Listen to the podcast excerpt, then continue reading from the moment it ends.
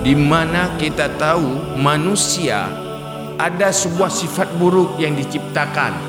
Hadir bersama hadirnya manusia yaitu nafsu. Innan nafsa la ammaratan bisu. Nafsu bawaan manusia itu cenderung kepada kejahatan dan tidak perlu belajar untuk jahat. Dengki napa yang murno nasi kula khusus spesialis dengki. Ya ya anai dengki itu adalah sifat nafsu dan itu bawaan bukan perolehan hasil dari belajar. Begitulah takabur dan sifat-sifat buruk. Benci iri hati itu adalah sifat bawaan nafsu. Cenderung kepada marah cenderung menggunjingkan orang cenderung membuka aib orang cenderung menyakiti orang itu tidak usah belajar. Cenderung untuk menipu dan mengkhianati juga tidak ada sekolah untuk ahli penipu nyontu urung sulit. Na sikula ko sulit ana kerja kita yo ada bercara tak je hadapi urung hana sikula tapi sulit. Tamak mak SD tan tapi asal ke pungut urung S3 Mak fikir dah nak tamat SD hati ke pungut tayo ke cara tak tayo ha lupa cara semua.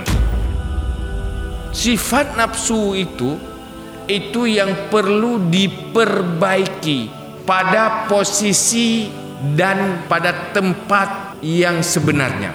Contoh, manusia pemarah. Akhlak bukan tidak marah sama sekali.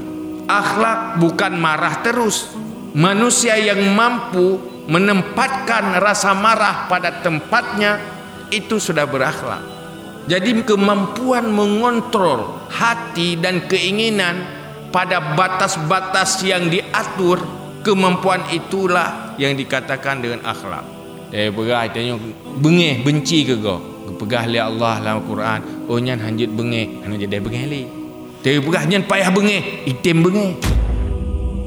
Ibarat je menuju. Keberhasilan seseorang terbentuk akhlak sama dengan keberhasilan seorang ahli pelatih binatang sampai bisa main sirkus. Nyo didik nafsunya persih lagi didik asih aja main sirkus kena. Dia bisa dikontrol dan diperintah anjing biasa itu dia tidak menerima perintah.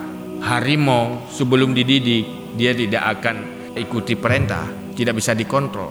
Tetapi setelah dididik dia bisa menjaga dirinya pada batas-batas yang diperintah dan pada batas-batas yang terlarang. Kemampuan hati seseorang kemampuan jiwa seseorang tanpa beban melakukan perintah dan tanpa beban meninggalkan larangan hidupnya sesuai dengan aturan yang telah diatur oleh Allah itulah akhlak